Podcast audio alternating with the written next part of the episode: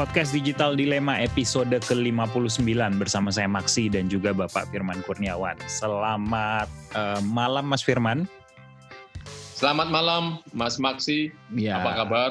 Baik, baik, baik, baik. Kita hari ini rekaman ini untuk, malam. Iya, kedua kalinya kita rekaman malam karena tamu kita istimewa, ada nah. perbedaan zona waktu. Betul. Jadi kita uh, take malam karena kita terhubung langsung ke Belanda ini. Nah, jauh hmm. ada uh, bintang tamu kita pada episode kali ini yaitu Mbak Marlina. Halo Mbak Marlina. Halo Mas Maksi, Pak Firman. Halo Mbak. Apa kabar? Kabar baik, selamat malam. Malam. Selamat. Di sana masih sore pagi. ya? Di sini masih sore, jam 3 sore. Lebih oh. cepat, lebih lambat Mbak? Lebih, lebih lambat. lambat ya. Oke, ya ya ya. Berarti kita duluan di sini ya? Iya. Berapa jam berarti perbedaan waktu itu? Dengan Jakarta, WIB bedanya lima jam kayaknya. Lima jam ya, oke. Mbak ya. Marlina adalah uh, boleh saya katakan diaspora ya Indonesia yang uh, di berdomisili warga negara Indonesia atau atau sudah berpindah? Uh, sudah warga negara Belanda. Oh, warga negara iya, Belanda. Sudah pindah. Ya ya. Uh, tinggalnya di mana Mbak? Uh, kota kecil namanya Harderwijk, sekitar hmm. satu jam uh, dengan kendaraan dari Amsterdam. Hmm. Kenapa bisa sampai ke Belanda Mbak? Sebelumnya di mana? saya sebelum saya asal Balikpapan, Kalimantan oh, Timur. Okay. Makanya kenal sama Dian yang kenal dengan Pak Firman. Nah, hmm. Terus saya menikah dengan uh, orang Belanda, makanya saya pindah ke sini. Oh iya iya. Jadi karena menikah dapat bisa dapat warga negara ya, gitu ya? Iya menikah terus uh, tiga tahun tinggal di sini, terus baru waktu itu peraturannya peraturan lama ya, terus baru bisa dapat hmm. warga negara. Hmm, oke okay, oke okay, oke. Okay. Oh, backgroundnya Mbak Marlina sendiri di ada profesional di bidang sesuatu gitu? Uh, saya di sini cuma ibu rumah tangga. saya di, yeah, yeah, di yeah. Indonesia saya dulu uh, lulusan dari Fakultas MIPA Biologi Universitas Brawijaya di Malang. Oh, oke. Okay. Ya? Oh, iya iya iya backgroundnya memang ini ya uh, ilmu alam ya. Kalau iya, enggak juga sih. Sudah berapa tahun Mbak di sana? 18 tahun ya tadi ya? 18 tahun ya. 18 Sejak tahun. Mei 2002. Oh 2002, oke. Okay. Ya, ya, ya. Uh, gimana perbedaannya di Belanda dengan di di lahir besar di Balikpapan, Mbak? Apa? Iya, saya lahir di Samarinda, dekatnya Balikpapan itu terus di Balikpapan sekolahnya terus uh, pas kuliah ke Malang. Ke Malang, iya iya iya. Mm -mm. Beda banget mbak dengan di Indonesia sama di Belanda. iya beda banget dulu ya tuh awal-awal itu sempat yang pakai nangis juga karena apa-apa beda gitu. oh. iya, iya. Tapi Balikpapan kan sebenarnya kotanya lebih relatif rapih ya daripada ini ya. Kapan terakhir Mbak? Indonesia pada umumnya. Iya terakhir ke Balikpapan tahun lalu persis uh, summer tahun lalu bulan Juli Agustus di sana. Hmm, rapi sih Balikpapan Balikpapan bagus. Rapi kotanya. Hmm, hmm, hmm, iya. Kota minyak soalnya banyak yeah. ekspatriat. Iya. Yeah. Iya, dulunya banyak ekspatriat ya. Iya, sekarang udah pada dinasionalisasi. Sekarang iya, iya. Udah pada pulang, iya. Nah, ya. teman-teman, uh, hari ini tuh kita mau membahas sesuatu yang spesial karena kita pengen berbagi cerita. Ini masih seputar COVID-19 sebenarnya, pandemi yang terjadi di seluruh dunia. Uh, kalau di episode sebelumnya kita bercerita dengan apa yang terjadi di Amerika Serikat. Nah, kita mau cerita nih gimana kalau di Belanda nih, karena ada yang menarik di Belanda. Belanda ini adalah salah satu negara yang menerapkan uh, herd immunity atau Uh, jadi masyarakat dibiarkan untuk berbaur, uh, kalau saya tidak salah ya Mbak ya, agar nanti membentuk iya. imunitas sendiri gitu. Boleh iya, cerita ya, itu Mbak awalnya gitu katanya. Hmm. Uh, ya jadi awalnya Belanda itu kita termasuk lambat kita, uh, dengan masalah disebut lockdown ya karena hmm. pemerintah maunya seperti itu herd immunity. Uh, hmm. Tapi akhirnya memang juga di diberikan dikasih pembatasan dan mereka nyebutnya um, intelligence lockdown. Jadi lockdown yang sangat cerdas. Jadi yang tidak perlu tidak perlu itu ya memang tidak usah dilakukan gitu. Dan yang memang boleh silakan dilakukan. Gitu. Hmm. Contohnya uh, kita boleh keluar uh, tapi harus jaga jarak satu setengah meter itu tetap di mana-mana didengungkan satu setengah meter satu setengah meter gitu. Dan kita boleh keluar mau olahraga, uh, bersepeda, jalan-jalan, uh, tapi ya bukan buat nongkrong-nongkrong ya, jalan untuk menghirup udara segar, hmm. membawa anjing keluar, yang punya peliharaan, anak-anak tetap boleh bermain di tempat bermain, hmm. itu boleh. Tapi orang uh, anak-anak tidak perlu menjaga jaraknya sama dengan anak-anak lain. Hmm. Tapi dengan orang dewasa, iya gitu. Orang dewasa dengan anak-anak juga harus jaga jarak. Hmm. Iya, gitu. iya. Tapi kasus dan penyem... kami tidak pakai masker. Oh ya? Nggak ada yang pakai masker di sini. Iya iya iya. Ya. Alasannya memang memang didengungkan pemerintah. Ya memang itu uh, advice dari pemerintah kayak gitu tidak pakai masker uh, karena masker itu hanya um, memberikan perlindungan semu kalau dipakai yang salah dan biasanya memang dipakai salah kecuali orang dokter atau orang yang memang ahli yang di, di bidang kesehatan mereka tahu cara yang benar Hmm. Kalau orang biasa biasanya pasti hampir selalu salah. Dipegang terus atau dibuka, di, kalau mau makan atau lagi apa merokok ditaruh di dagu gitu misalnya. Dan hmm. itu semua salah gitu. Jadi itu adalah perlindungan yang semu karena mereka begitu. Jadi hmm. orang Belanda lebih baik nggak usah. Iya, jadi tidak usah pakai masker gitu katanya. Hmm, ya, ya, ya, ya, menarik. Kasusnya sebenarnya di sana banyak, Mbak. Um, awal uh, yang paling meningkat mulai dari awal Maret sedikit uh, terus meningkatnya itu pas pertengahan Maret sampai awal April kalau nggak salah itu tinggi banget gitu ya sama hmm. Tapi uh, tiga minggu terakhir ini turun sangat turun. Jadi itu sama kapasitas intensive care itu yang paling dipikirkan sama pemerintah hmm. itu sangat menurun drastis. Jadi makanya kami semakin dikasih kelonggaran gitu sekarang. Oh boleh sekarang boleh keluar apa?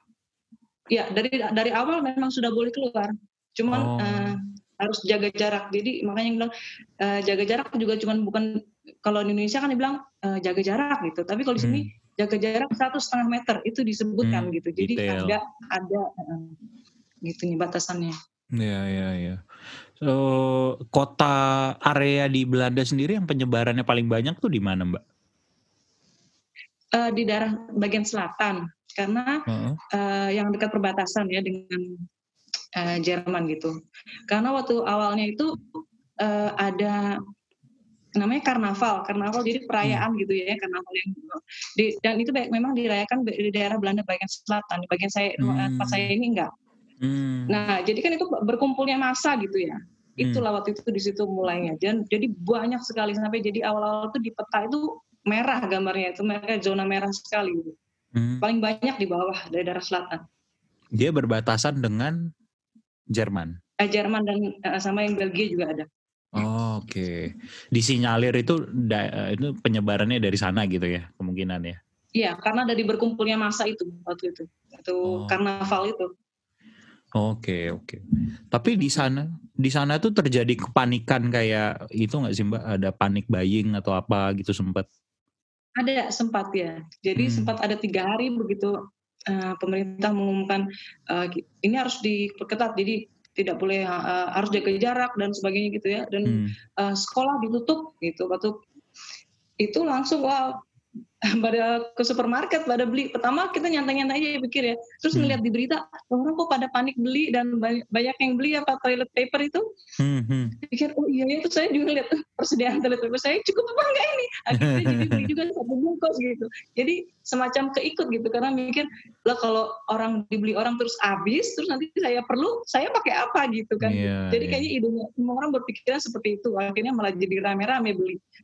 Hmm, ya ya ya ya. Itu eh, yang di habis rush. itu Iya, yang banyak di rush itu sama toilet paper kayak di Amerika. Iya, toilet paper sama di sini uh, tepung sampai bahkan beras juga dibeli orang. Padahal orang sini kan jarang makan nasi ah. misalnya. Itu dia mereka tuh beras di supermarket itu juga dibeli. Oh alah, ya ya. ya Tapi ya. hanya tiga hari setelah itu udah karena pemerintah langsung bilang ya di televisi itu uh, persediaan bahan pangan itu sama bahan-bahan yang lain tuh sangat-sangat cukup sampai ada gambar di internet itu lihat ini hmm. apa uh, gudangnya itu ya udah gudangnya itu udah pakai udah benar-benar cukup banget udah nggak langsung masyarakat langsung tenang udah nggak ada lagi yang panik baik. Hmm, ya ya ya ya ya.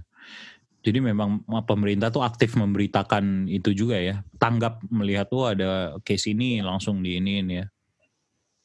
Iya, pemerintah pemerintah sangat menurut saya gitu eh, bagus sekali gitu penanganannya di sini ini bagus. Jadi pemerintah sekarang ini eh, perdana menterinya namanya kan Mark Rutte. Jadi hmm. dia itu sekarang populer sekali gitu. Jadi kan hmm. ada eh, apa semacam polling apa gimana gitu namanya? Iya, yeah, iya. Yeah. Nah, dia, uh, popularitasnya itu sekarang dia meningkat karena orang percaya gitu dengan cara-cara mereka menangani, masalah uh, COVID-19 ini. Hmm. Tapi waktu awal diterapkan herd immunity itu banyak penolakan, Mbak? Apa gimana? Um, orang-orang eh, sebenarnya gini, pertama-tama kan dibilang uh, anak-anak sekolah tetap sekolah, itu hmm. kan bingung. Uh, jadi guru-guru semacam um, protes gitu guru-guru sekolah hmm. wah berarti kita ini kelinci percobaan dong ya jadi maksudnya dibiarin aja gitu tetap uh, harus uh, menerima anak-anak murid segitu banyaknya orang belum lagi ada orang tua murid dan sebagainya. Hmm. Nah, terus akhirnya makanya diputuskan oke okay, anak-anak anak-anak SD, SMP semuanya gitu tutup semuanya gitu hmm. supaya menenangkan itu orang-orang guru-guru yang resah gitu ya. Jadi hmm. benar kan di akhirnya ambil putusan. Ya, terus ya sisanya yang Oh ya, misalnya awalnya kenapa sekolah-sekolah SD dulu uh, kita lambat ditutup hmm. karena pemerintah maunya supaya uh, orang tua dari anak-anak yang sekolah itu tetap bisa bekerja, terutama orang tua yang uh, fungsinya sangat penting di masyarakat seperti uh, polisi, perawat, uh, bahkan ini apa namanya mereka semua yang fungsi-fungsi penting itu bukan yang bos-bos malah ya malah ini uh, tukang sampah, pengangkut sampah sama petugas distribusi, jadi yang supir truk hmm. itu semua orang-orang yang jatuh dalam posisi yang penting gitu. Jadi mereka supaya bisa tetap bekerja, supaya masa supaya hidup kita tetap normal di sini gitu ya, istilahnya normal.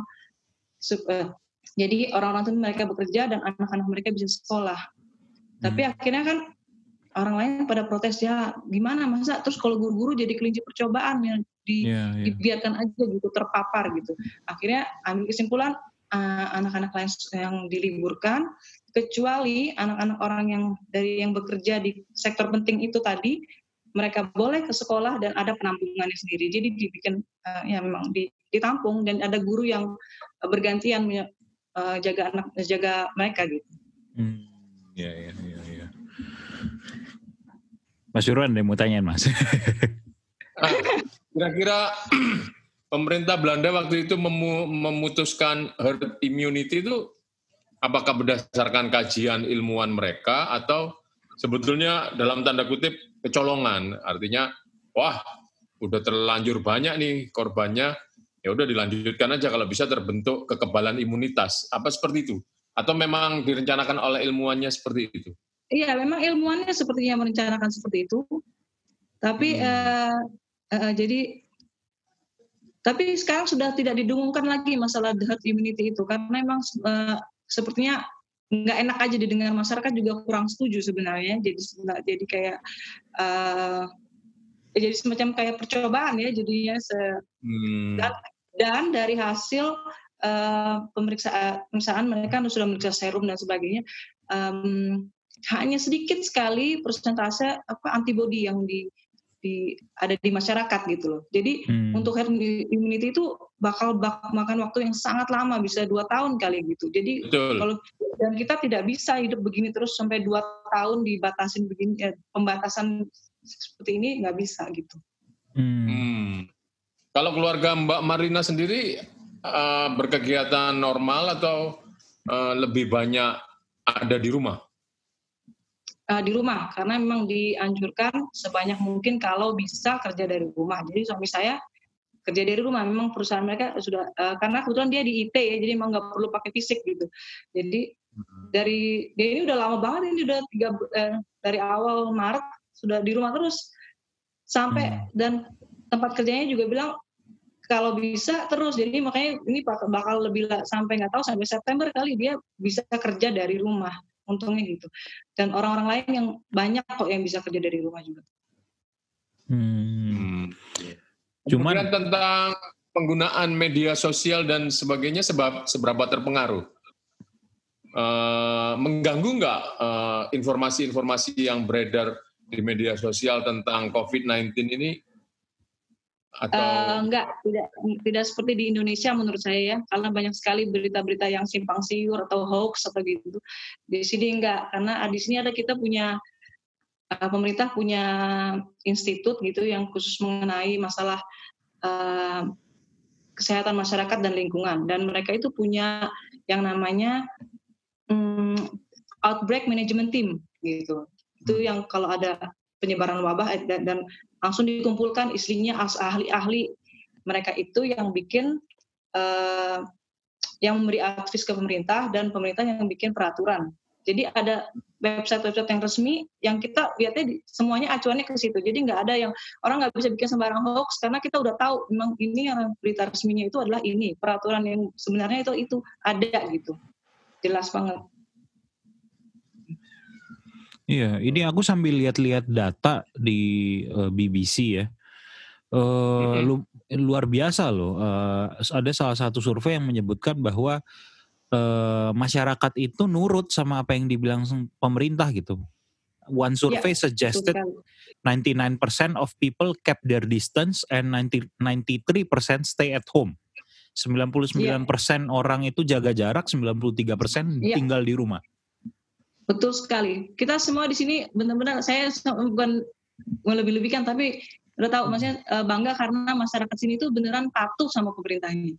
Iya, iya. Walaupun ada yang tidak ya, tapi sebagian betul sebagian besar itu memang benar patuh sama aktif pemerintah. Hmm. Apa itu kunci kepatuhan masyarakat? Kalau menurut Mbak Marlina? Uh, pertama karena kalau melanggar itu dapat denda. Oh, besar mbak? Dendanya besar sekali pak. Oh. Dendanya kalau kan gini, uh, kita itu nggak boleh di uh, keluar rumah itu bolehnya misalnya saya ber, uh, dengan teman saya jalan itu harus dengan jarak satu setengah meter ya boleh gitu.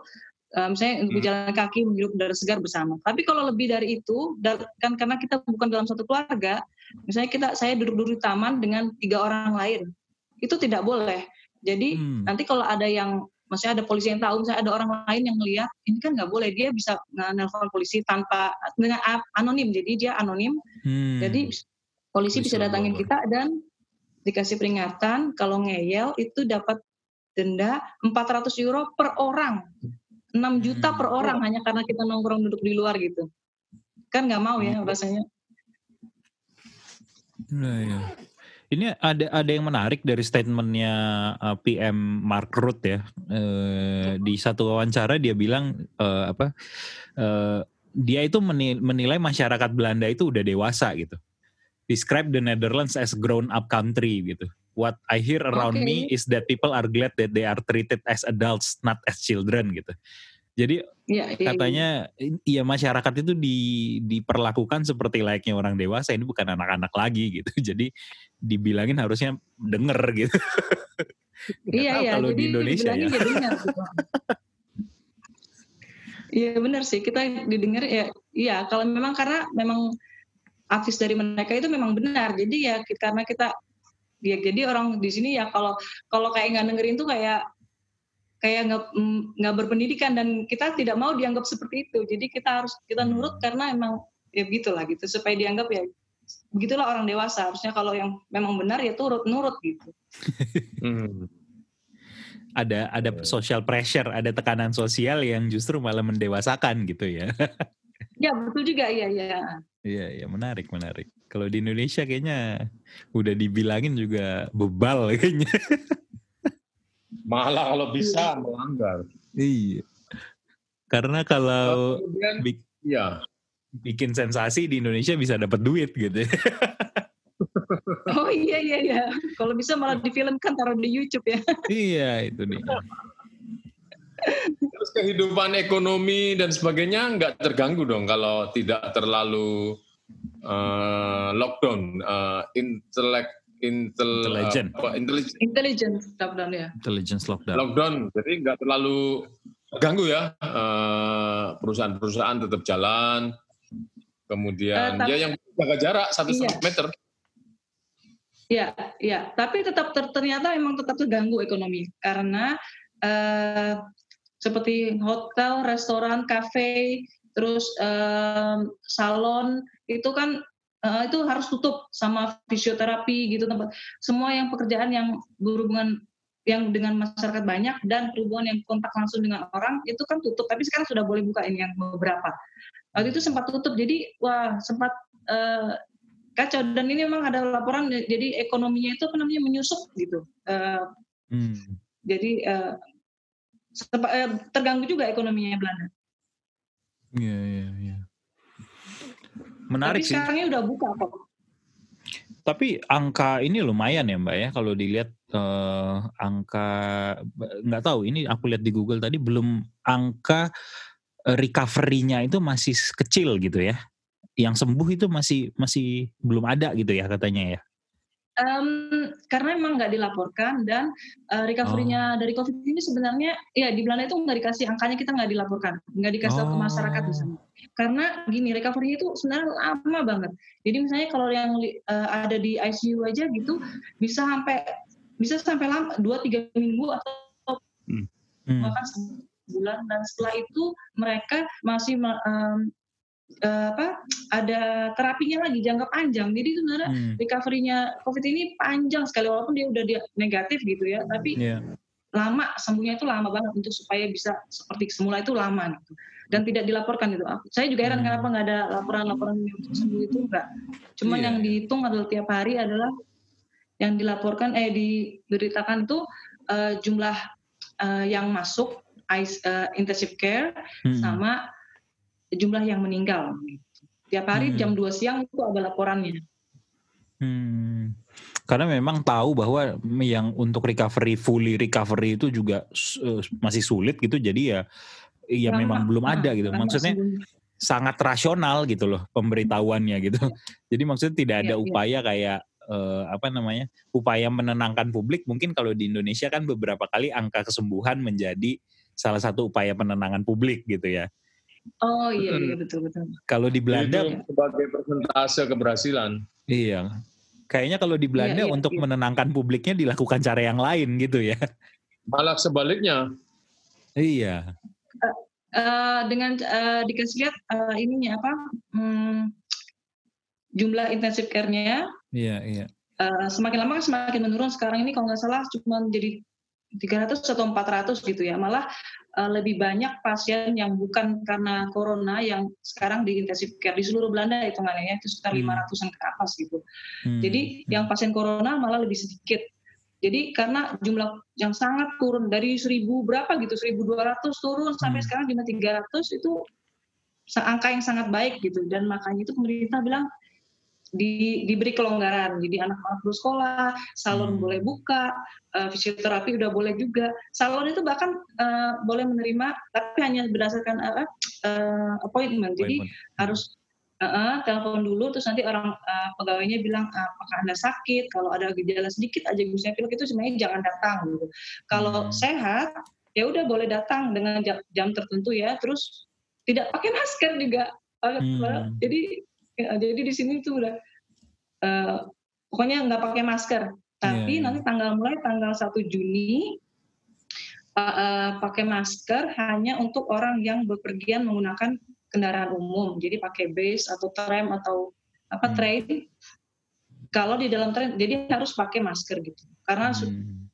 itu aja peraturannya yang pakai masker kalau berdiri di stasiun atau di mana itu tidak tidak tidak perlu pakai masker kecuali kita di dalam bis kita harus pakai masker gitu. Hmm, ya ya ya.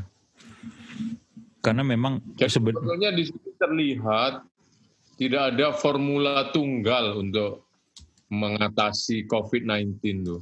Ada yeah. yang uh, apa namanya lockdown total, ada yang ini longgar, intelijen lockdown, ada juga yang seperti kita PSPB, EPS, BB, BB, pembatasan sosial berskala besar. Mm-hmm. Nah, semuanya itu trial and error kalau saya lihat. Mm-hmm. Dan yeah, hasilnya yeah. juga ada yang seperti Belanda malah uh, menurun Berhasil. jumlah yang yeah. tertular. Yeah. Kemudian Selandia Baru dia menerapkan lockdown yang ketat juga turun. Uh, hmm. Di Korea tidak pakai lockdown, tapi mengintensifkan uh, uji Tes. PCR, ya. itu bisa terkendali. Ya, nah, ya. cuman uh, kemarin dilaporkan hari Minggu gara-gara uh, satu orang mendatangi sebuah bar itu terjadi penularan uh, lokal itu sampai 2.000 orang yang kembali hmm. tertular. Hmm. Nah, ya. belum ketemu polanya benar-benar untuk yeah. COVID-19 kalau kita mempertahankan harus ada di rumah sampai dua tahun ya uh, bukan nggak bisa ya bakal anjlok ekonominya betul iya. stres juga mbak dua tahun iya. di rumah iya iya tapi ini Belanda sepertinya memang bangga mereka karena berarti uh, lockdownnya mereka ini yang paling uh, luwes gitu. Dan yeah. berhasil. Karena kan yeah. saya kayak dulu waktu itu nanti sekarang udah boleh boleh keluar mereka untuk menghirup udara segar. Sebelumnya kan nggak keluar aja udah nggak boleh. Kita yeah. juga keluar rumah itu nggak boleh kan? Maksudnya kecuali untuk ke supermarket gitu. Tapi kan itu kalau Belanda menganggap itu nggak perlu. Kita boleh keluar yeah. rumah. Boleh silakan mau jalan mau jogging itu malah menghirup udara segar itu baik bagus bagus untuk uh, ketahanan tubuh gitu yeah. itu malah boleh saya lihat malah yang metode Belanda ini malah beberapa tuh banyak yang mengkritisi juga ya. Awalnya negara-negara Eropa banyak yang nggak percaya juga dengan metode iya. metode ini gitu iya. ya. Ya, Jerman sama eh, Belgia itu gitu, nggak percaya sama Belanda. Ngomel katanya. Iya, betul betul. Tapi sekarang udah melihat hasilnya kan udah akhirnya udah sepertinya iya. udah nggak nggak iya. ngomel lagi gitu. Iya iya. Bahwa sebenarnya untuk menenangkan uh, apa kalau dilihat tuh memang pemerintah ber, berperan penting untuk menenangkan masyarakat dan memberikan edukasi yang tepat gitu ya Mbak ya. ya, uh, ya di ya, pengalaman ya, di Belanda tepat, gitu ya. Jadi memang ya. uh, komunikasinya dari pemerintah itu yang harus dibangun dengan baik gitu ya. Salah satu kalau yang kita ya. belajar dari Belanda gitu. Ya. Mereka itu Jadi kayak ya. Komunikasinya seperti apa Mbak dengan masyarakat itu?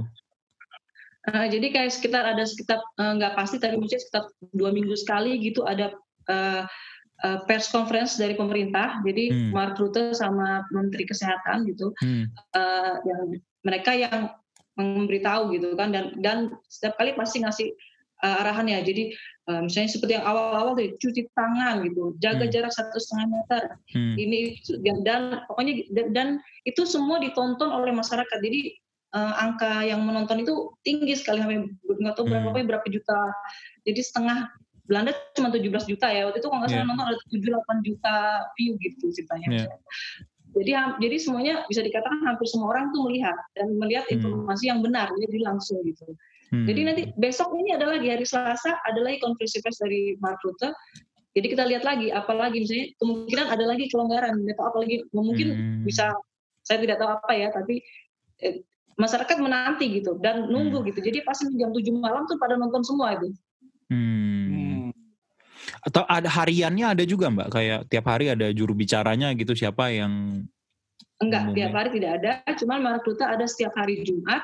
Uh, dia ada di TV, misalnya TVRI-nya uh, yeah, yeah. TVRI-nya Indonesia gitu ya. Yeah. Iya. Uh, jadi sekitar setengah jam dengan tanya jawab dengan uh, apa interviewernya gitu. Hmm. Itu ada dia setiap minggu ada di TV memang muncul. Hmm.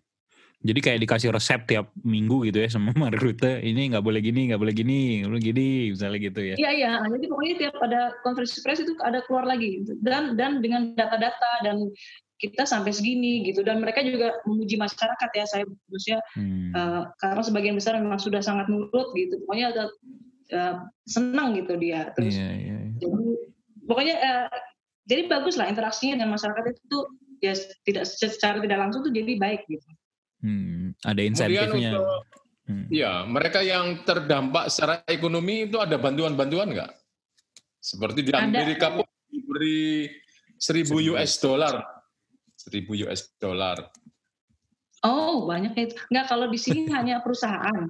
Eh, oh. Perusahaan-perusahaan yang terdampak itu jadi ada jalurnya sendiri dan uh, bikin laporan misalnya dan akan langsung dikasih 4.000 euro hmm. uh, untuk misalnya menggantikan biaya dia harus bayar sewa kan karena nggak ada kegiatan tapi tetap sewa tempat harus gitu hmm. Hmm. hmm. dan untuk yang masalah-masalah lain ada lagi prosesnya tapi untuk yang yang bantuan langsung itu untuk perusahaan-perusahaan tertentu yang itu bisa langsung dapat 4.000 euro gitu. Hmm.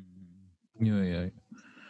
Kalau untuk rumah tangga tidak ada bantuan sih, cuman kalau misalnya ada orang yang karena kehilangan pekerjaan, uh, misalnya dari outsourcing ya, jadi kalau nggak ada kerja nggak ada duit, terus ada yang kekurangan gitu, ada di sini namanya um, food bank, jadi bisa langsung ke sana ambil oh. makanan. Uh, dan urusan administrasi nanti gitu. Yang penting ini makanan diambil dulu gitu. Jadi paketnya itu diambil gitu. Hmm. Itu ada di sini. Yeah, Jadi yeah. jangan sampai orang nggak makan gitu ya. Iya, iya.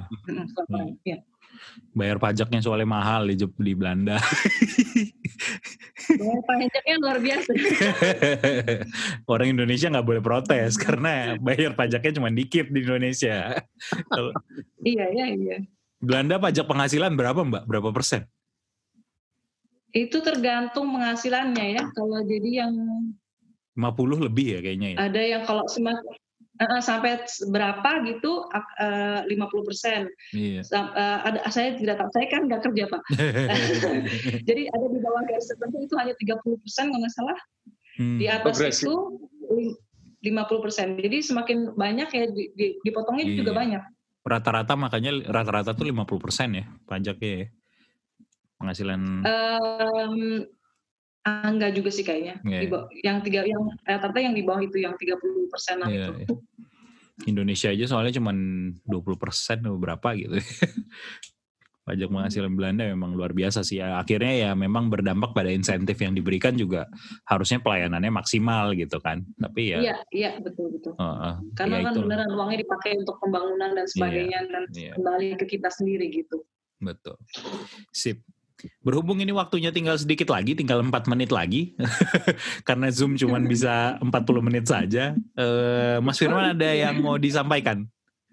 Atau ya, ya, saya ingin menggarisbawahi bahwa uh, persoalan penanganan ini nampaknya tidak ada satu formula baku. Jadi hmm. rasanya kita rugi harus berdebat, berargumentasi, berbusa-busa di media sosial mana yang lebih betul lockdown iya. tidak lockdown, kemudian uh, apa namanya uh, berdamai atau melawan COVID dan sebagainya. Kalau yang dasar sepertinya sama di seluruh dunia, itu menjaga jarak dan selalu menjaga ya. kebersihan, rajin cuci tangan. Iya. Ya. Sepertinya itu. Betul. Yang penting sekarang bukan berkoar-koarnya tapi aksinya ya. Betul. Iya, iya. Hmm. Mbak Marlina mungkin ada yang mau disampaikan untuk uh, teman-teman di Indonesia?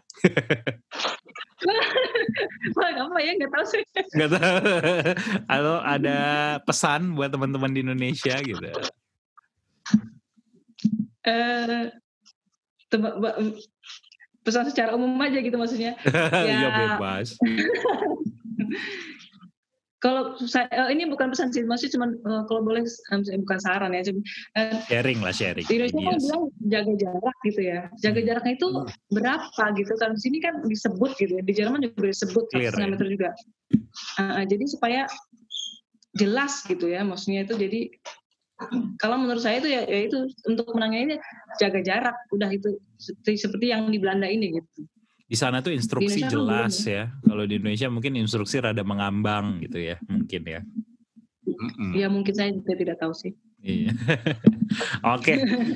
Sudah hampir 40 menit kita berbincang teman-teman. Mungkin saya harus mengakhiri episode kali ini. Terima kasih banyak Mbak Marina. Uh, Terima kasih sudah, banyak. Juga.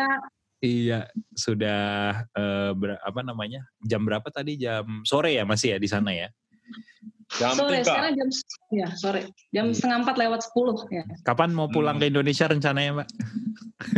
Aduh, belum tahu kan tahun lalu. Saya bersyukur oh, udah tahun lalu udah pulang. Untung baru kan pulang kan ya. Pasti nggak mungkin ya. Bener, bener, bener. Gitu. Ya udah, nanti kita uh, ketemu ngobrol lagi kalau ada kesempatan. Jadi mungkin saya harus yeah. akhiri podcastnya di episode kali ini. Terima kasih teman-teman sudah mendengarkan. Sampai ketemu di episode selanjutnya. Dadah. Oke, okay. Terima kasih.